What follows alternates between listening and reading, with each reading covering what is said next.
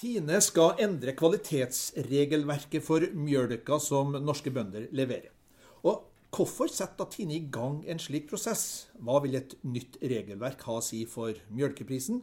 Og blir det nye regelverket mer rettferdig enn dagens regelverk?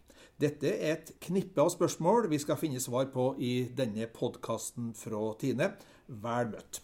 Og aller først, eh, Eivind Kjus, du er direktør i Tine Råvare og leder av dette prosjektet. Hva ønsker Tine å endre nå i kvalitetsregelverket? Vi ønsker å endre og erstatte dagens avregningsklasser, eh, hvor den dårligste parameteren gir klassen, eh, til å avregne hver parameter for seg. F.eks. bakterier, celler, sporer, frie fettsyrer, etter en glidende skala. Så vi ønsker å bevege oss i en retning hvor vi avregner på samme måte som fett og protein avregnes nå. Mm. Eh, du sier eh, parameter. Det høres ut som et litt sånn vanskelig ord. Hva, hva, hva ligger egentlig i begrepet parameter? Eh, det er jo folkelig sagt så er det bakterier er en parameter for kvalitet. Altså det, er, det gir vilkår for hvor god melka er. På samme måte som frie fettsyrer. Mm. Så det er eksempel på to parametere.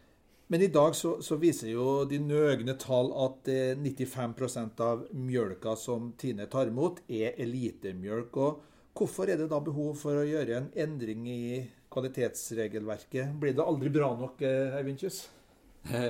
Melka er veldig god, og den er blant verdens aller fineste melk. Det er det ingen tvil om. Men selv de beste kan gjøre det litt bedre. Så det vi først og fremst ønsker, er å lage et system som eh, gir motivasjon og rom for kontinuerlig forbedring. Mm. Men vil, vil elitemjølka som begrep eh, forsvinne? Eh, det gjør den nok ikke. Men den klassen som i dag er elitemelk, den vil bli erstatta med noe annet. Mm. Og det, noe annet det vet vi ikke helt hva, hva blir foreløpig? Vi snakker vel om å sette nivåer, tror jeg, som uh, tilsvarer dagens elitemelk. Dagens elitemelk er jo særs god melk, og det skal vi fortsette å jobbe mot. Mm. Men kvalitet uh, blir jo ikke noe mindre viktig. og Eirik Selmer Olsen, du er leder for fagavdelinga i Tine rådgivning og, og, medlem. Hvordan ser du på en slik endring som nå er foreslått, og som er i støpeskjea, i forhold til behovet for, som industrien i Tine har for, for kvalitet? Først hadde jeg lyst til å si litt til det som, eh, som Eivind sa rundt kanskje verdens fineste melk. For jeg syns det er et utrolig flott utgangspunkt. Altså, Vi er jo i verdenstoppen på melkekvalitet. Eh, og det er sånn at eh, kvaliteten på Tine-produktene de starter med råmelkskvaliteten. Og så er det verdikjeden som håndterer mattrygghet, mangfold, opplevelser, smak og holdbarhet osv. Så, på det utgangspunktet vi har, er helt fantastisk. Men så er det sånn at uh, sånne fortrinn de varer jo ikke evig hvis vi ikke pleier de godt. Og vi vet f.eks. Eh, et case fra Nederland nå, at de adopterer vår måte å, å jobbe Altså tar opp i seg? Ja, ja, tar opp i seg dette med hvordan vi kan redusere antibiotikabruken f.eks. Det betyr at de ligger etter oss i tid, men de tar oss igjen hvis ikke vi fortsetter å ha fokus på, på kvaliteten. Så stadig forbedring Må hele tiden være framme i skoa. Uh, og det som skjer på, på, gården, er en veldig viktig faktor i forhold til melkekvaliteten. Så um, hvis jeg skal dra det over i det du spurte om med industrien, så er det et spesielt behov for å holde nivået av kvalitetsforringende bakterier nede. Helt mm. klart. Mm.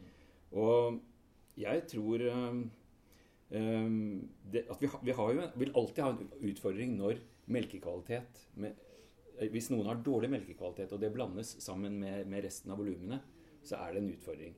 Og den utfordringen den tror jeg blir større, fordi at vi har større, vi har større melkebruk. Vi har større inntransportbiler. Vi har større silotanker, altså større volum. Og vi har større produksjonsanlegg. Det betyr at eh, ser vi på risikoen der, så er sannsynligheten for at noe går gærent, den er den samme, men konsekvensen blir større. Og Det betyr at risikoen for tiden blir større. Hvis du sier at risiko er at du ganger sannsynlighet med konsekvens. Mm. Så, men, så, det er litt viktig at vi tenker på at Tine er også i en utvikling. Hvis vi tenker på aktørene som vi på en måte konkurrerer med, og vår egen utvikling og struktur. De to sammen gjør at vi må bare bli bedre og bedre. Men, men hvordan vil, vil, en sånn overgang fra, fra, klasser til en glidende skala da, Eivind Kjus, hvordan kan det bidra til at kvaliteten blir enda bedre, slik, slik Eirik Selmer Olsen her nå snakka om? I dag kan vi si litt enkelt at vi har et eh, grensefokus eller et klassefokus. Rent økonomisk sett så vil det være veldig viktig for eh, produsent å ligge på riktig side av en grenseverdi. Eh, Det vil være viktig å klare elitemelkkravet til bakterier, f.eks., som i dag er 100 000 per milliliter. Om produsenten har 90 000 eller 9000 bakterier, så er oppgjøret akkurat det samme. Men betydningen for meieriet vil være forskjellig. Mm. Så ved å erstatte den klassen med en skala som kanskje gir litt bedre pris når kvaliteten blir litt bedre, så vil vi ha et system som motiverer og stimulerer bedre til å jobbe med kontinuerlig forbedring. Hørte jeg at du i bakgrunnen sa at dette systemet vil bli mer rettferdig? Det tror jeg det blir. Eh, Du vil i større grad få betalt for den kvaliteten du leverer. Men eh, nå tenker jeg at hvis vi går bort fra den eh, klasse, det trappetrinna som vi har i dag i systemet, til en glidende overgang, så tenker jeg, vil det her da utløse flere prøver og kanskje mer byråkrati, mer rapportering etc., etc., noe jeg vet at eh, norske bønder ikke er veldig happy med, Eivind Kjus? Eh, Vi har snakka om å analysere mer melk. I dag så tas det jo en melkeprøve hver gang eh, gårdstanken blir tømt. Men eh, vi analyserer i hovedsak én eh, prøve i uka fra hver produsent. Og det er nok flere fordeler også med å analysere all melk, og ikke bare én i uka. Eh, prøvelogistikken vil trolig bli forenkla. Vi kommer til å legge opp til å lagre alle prøvene i noen dager etter at de har kommet fram til laboratoriet, sånn at vi kan hente dem fram igjen hvis det er behov. Så vi ser for oss at en økt analysefrekvens vil være gunstig også for produsent og rådgiver i ulike sammenhenger. Så dette vil altså påføre ekstra kostnader på, i, i Tine råvare? Det gjør det. Eh, ikke så veldig mye. I den store sammenhengen så snakker vi om et eller annet sted rundt 3,5-4 millioner kroner. Som tilsvarer da eh, i underkant av et kvart øre per liter melk. Så det er ikke det store eh, målt i kroner og øre, med andre ord. Så langt så har tilbakemeldingene på det, som har vært ute nå i produsentlagsledersamlinger, vært positive. Et hovedspørsmål er jo hvordan vil dette da slå ut totalt sett på mjølkeprisen til bonden? Vet vi noe om det foreløpig? For det er jo noe som virkelig opptar uh, norske mjølkeprodusenter, hva som kommer i lommeboka til slutt. Ja, absolutt. Uh, I sum så vil jo vi ha den samme mengde penger å betale ut for mottatt melk som før.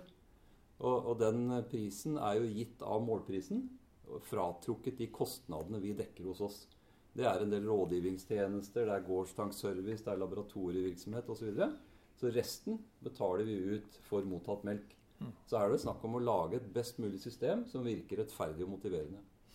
Eli Reistad, du sitter her du også. Du er organisasjonssjef da i Tine rådgivning og medlemsservice. Og pliktskyldigst strekt opp hånda her for å si noe vett, vettugt. I tillegg til det som Eivind sier, at rent sånn teknisk så vil det jo bli på sagt den samme, mm, de samme pengene som da skal eh, fordeles ut eh, til mjølkeprodusenten som, som før, som Tine greier å generere. Og det er jo der kjernespørsmålet er. at Tine sitt oppdrag er jo å bidra til at mjølkebonden får solgt mjølka si. Og som Eirik var inne på i stad, det her med alltid strekke seg litt for å sikre at vi fortsatt har verdens kanskje fineste mjølk. Det er jo det som til sjuende og sist og som gir forbrukere og kunder trygghet for at vi har gode kvalitetsprodukter. Det må til for å alltid være litt sånn eh, at Tine sikrer salget av mjølk for mjølkeprodusenten. Og når vi har sikra det salget, da fordeler vi det eh, ut igjen til mjølkebonden. Men jeg tenker på dem som sitter og hører på det her nå. Kanskje tenker er det her en, en veldig stor omlegging? Nærmer vi oss nærmest en revolusjonær måte å, å se den omleggingen på, eller er det bare en liten kursjustering? Jeg tror vi kan være trygge på at det blir ikke noe revolusjon. Folk vil kjenne igjen alle Det, er jo celletall og bakterietall akkurat som folk har vært vant til å, å se på tidligere. Og så er det bare det at det, det blir etter min vurdering mer rettferdig ved at du får betalt for, for den kvaliteten du har, og ikke de her litt skarpe trappetrinna som, som den dagens klasseinndeling eh, medfører. Så det vil være veldig gjenkjennelig for den enkelte mjølkeprodusent, men, men, med å unngå de her veldig skarpe skillene og trappetrinna i, i kvalitetsbetalinga, som vi tror gir rettferdighet og litt mer trygghet egentlig for den enkelte. Så de som har litt høye skuldre, kan kanskje senke dem litt akkurat i forhold til den biten, da?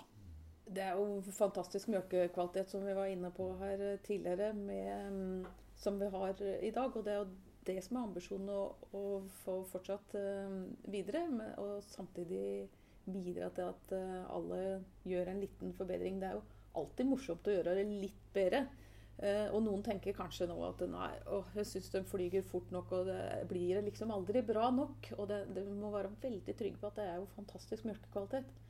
Men det er jo veldig moro òg når det er litt å strekke seg etter, og litt liten, kan se en liten forbedring. Og det mm. tror jeg, blir, um, tror jeg alle liker. Et lite temaskifte her. Mange er jo opptatt av historiske verdier og såkalt geometrisk gjennomsnitt. og Hvor langt har utredninga kommet i å forstå endringer på, på dette området, f.eks. sporer og bakterier, Eivind? Vi starter opp det arbeidet nå. Eh, så det er ikke noe som er ferdig tygd eller beslutta. Eh, og vi er også veldig åpne for innspill til det videre arbeidet. Jeg tror det kan være hensiktsmessig å beholde geometrisk gjennomsnitt for de eh, parameterne som vi har i dag. I dag er det jo spesielt bakterier og celler. Men det vi kommer til å vurdere, er jo hvor langt tilbake vi skal gå med tellende analyser. I dag varierer jo det noe, og noe av utredningen tar jo også sikte på å, å finne ut om vi i større grad kan basere oss på månens leveranser. Et, et, spørsmål, Nå tenker sikkert mange på, uh, på kumjølk her, men hva med, hva med, geitmjølk? Er det også med i opplegget her nå? Ja, det er det. Uh, vi, vi, skal jo behandle all melk og, og alle parametere ordentlig. Uh, I dag er det jo en viktig forskjell på ku- og geitemelk.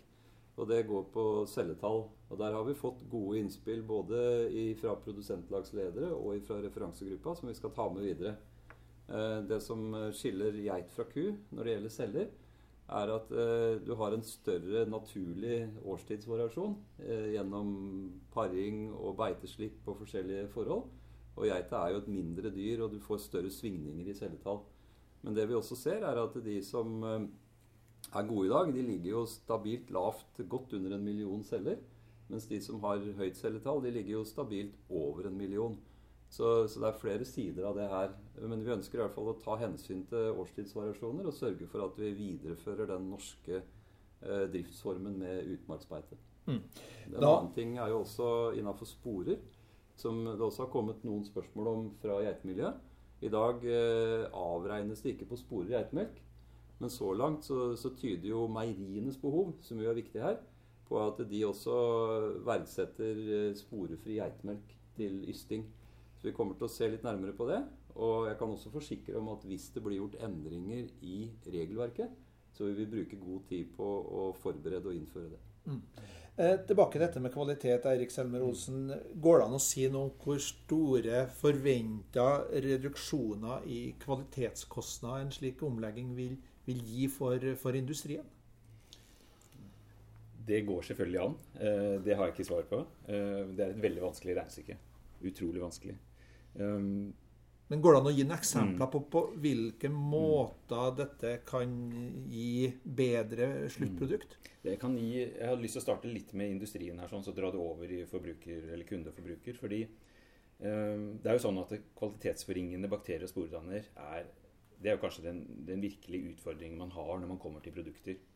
Uh, og der har, uh, som, uh, som, det har vært snakket om tidligere også, så har vi investert i det vi kaller hinderteknologi. Altså det betyr teknologi som kan på en måte gjøre at vi reduserer konsekvensene av at man har et litt dårlig råstoff. Men det er ingen sovepute. og det er veldig viktig å si, fordi at det er lett å tenke at teknologi kan reparere et dårlig utgangspunkt. Men, men, eh, det kan hjelpe, men det gir oss ikke verdens fineste melk. Så igjen så er det ulike tiltak som vi kan dra med oss inn i framtiden. Men det kommer ikke til å hjelpe oss hvis utgangspunktet ikke fortsatt er veldig godt. Eh, og så er det sånn at teknologi er kostbart. Det betyr at industrien må, må investere. Her fins det mange ulike ting jeg kunne snakket om, men det blir veldig teknisk. Men, men vil forbrukerne merke det? Ja, ikke sant? det er derfor jeg tenker at det henger sammen. dette her sånn, For du starter på gården. Og så har du det som skjer i meieriet, og så har du det som forbrukerne ønsker og prefererer, altså det de foretrekker. Og dette henger egentlig sammen. For hvis uh, vi gjør noe feil på et eller annet ledd i dette, denne kjeden, så vil det være noe som forbrukeren vil merke i siste, siste leddet. I form av og, kvalitet? I form av kvalitet. Ja. Uh, jeg tror også, derfor Når du spør om kroner, så er det selvfølgelig kroner har med konkurransekraft og kostnader å gjøre.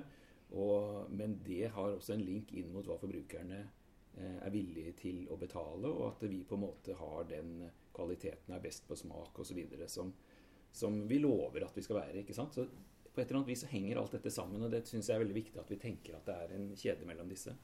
Vi har noen eksempler kanskje som jeg kunne tatt da, på hva som det kan bety for forbrukeren. og vi vet jo at det er anaerobe sporedannere, og spesielt disse smørsyreprodusentene, klostridiene Dette ble vanskelig nå. Jeg tror ikke det er så vanskelig, for jeg tror de fleste har hørt om anaerobe sporedannere i ja. avregninga.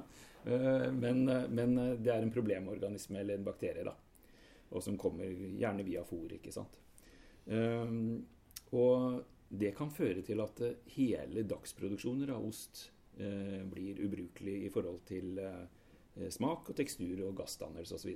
Da er det, snakker vi om store beløp. ikke sant? Tilbake til kronespørsmålet ditt. Så det er klart at den eh, er man veldig, veldig på alerten i forhold til. Og så En annen som kan være viktig, er eh, det som vi kaller psykrotrofe bakterier. Psykrotrofe betyr at de liker lav temperatur. Det er noen bakterier som gjør det. Og de er sånn at de blir gjerne inaktivert eller drept når man pasteuriserer. Det gjør de. Men hvis de har rukket å lage noe som heter enzymer, altså ting som kan spalte eller klippe opp proteiner og, og fett før det, så vil ikke disse enzymene bli ødelagt når du pasteuriserer. De vil fortsette over i konsummelka og gjøre at melka kan bli dårligere og dårligere helt fram til siste best før-dato. Så Sånn sett så er det også utgangspunktet av psykrotrofe, som vi kalte det, de som liker lav temperatur, eh, bakteriene, også en, en utfordring for konsummelk. Og Den siste eksempelet jeg hadde tenkt å ha, var melkepulver. Eh, melkepulver det brukes som en ingrediens i en rekke næringsmidler. altså Alt fra barnemat, farser, bakevarer, sjokolade, sauser osv. Og Da er det sånn at det, bakteriesporer da, som overlever pasteurisering, de overlever også tørkeprosessen og lagringen. Og Når du da etterpå løser det opp i vann, eller rehydrerer det, som vi kaller det, det pulveret, så vil de bakteriesporene da spire og bli til flere nye bakterier. Og da har vi kanskje mista kontrollen. For melkepulver som vi eksporterer, eller som vi eh, eller bruker innenlands til masse annen næringsmiddelindustri, det kan være små mengder i veldig, veldig mange produkter. Og det er litt ugreit. Og, og da kan risikoen vår gå opp, fordi at eh, konsekvensen av det blir ganske stor. Eh, og det er en type beredskapssaker vi er veldig redd for. da. vi hadde et ifra, et eksempel fra Gudbrandsdalen i en nyttårsaften hvor vi hadde um, fløte med mye bacillus serus, aerob sporedanner. Og det var ikke mange som var fornøyd med multikremen den nyttårsaften i Gudbrandsdalen. Så liksom, det å spre det utover er, er, er alvorlig sånn sett. Men uh, ut fra de eksemplene du nå mm. kommet med, som, som uh, på en god måte forteller hvor viktig dette med kvalitet er, vil da den endringen som nå er på gang, vil den redusere risikoene, risikoene for de eksemplene som du nå traff? Jeg tror at Det må, det må Eivind svare på, men det viktigste er fokuset. At vi ikke slipper fokuset. Vi må opprettholde fokuset på kvalitet. Mm. Og vi må hele tiden evne å bli bedre. Og jeg tror igjen verdens fineste ku- og geitmelk, hvis vi tar med begge to. Eh, hvis vi skal oppnå det, så er det absolutt et, et fokus vi må ha hele tiden. En annen ting du skal få svare, Øyvind, men jeg kan bakke inn et spørsmål. Hver vår i april så har vi den store sølvfesten. Da deler vi ut sølvtiner, og vi deler ut plaketter, og vi deler ut mjølkespann. Vil det, vil det være mulig å opprettholde denne flotte tradisjonen etter det nye regelverket? Ja, absolutt. Eh, regler for særs god melk eh, er jo ikke en del av kvalitetsregelverket som direkte. Men eh, de hederstegnene de bygger jo på mm, kvalitetsregelverket. Så, og det er det mange som har sagt er viktig å videreføre. så det skal Men må, just, må, må, må, regelverket for plaketter sånt også justeres nå, da? eller? Det er naturlig å se på det. Eh, I dag så er jo eh, hederstegn knytta opp mot elitemelkklassen. Så vi må jo finne noe som eh, samsvarer godt nivåmessig med det her. Det henger jo veldig høyt å få sølvtine eller nå den nye sølvmjølkespannet ved 25 år. og det det skal være like vanskelig som før å få sølvtine og mjølk. Like vanskelig eller vanskeligere? Like, like, vanskelig som før er utgangspunktet. Og så må vi først uh, lage det nye regelverket, og så må vi tilpasse dette plakettregelverket etter det. Men det skal i utgangspunktet bli, verken bli vanskeligere eller lettere enn enn før å oppnå, oppnå det her. Så mm, det, det, tror jeg vi skal greie å håndtere. Og her, det, her, må kvalitetsregelverket først på plass, og så finner vi løsninger. Men hva er veien videre nå i forhold til å, å, å lande hele prosessen? Ja, nå har jo produsentlagslederne vært inne og diskutert dette ganske grundig på de samlingene som alle fire eierområder har hatt i høst. Eivind har vært der og foredratt og fått masse spørsmål og kommentarer og svar og oppklaringer.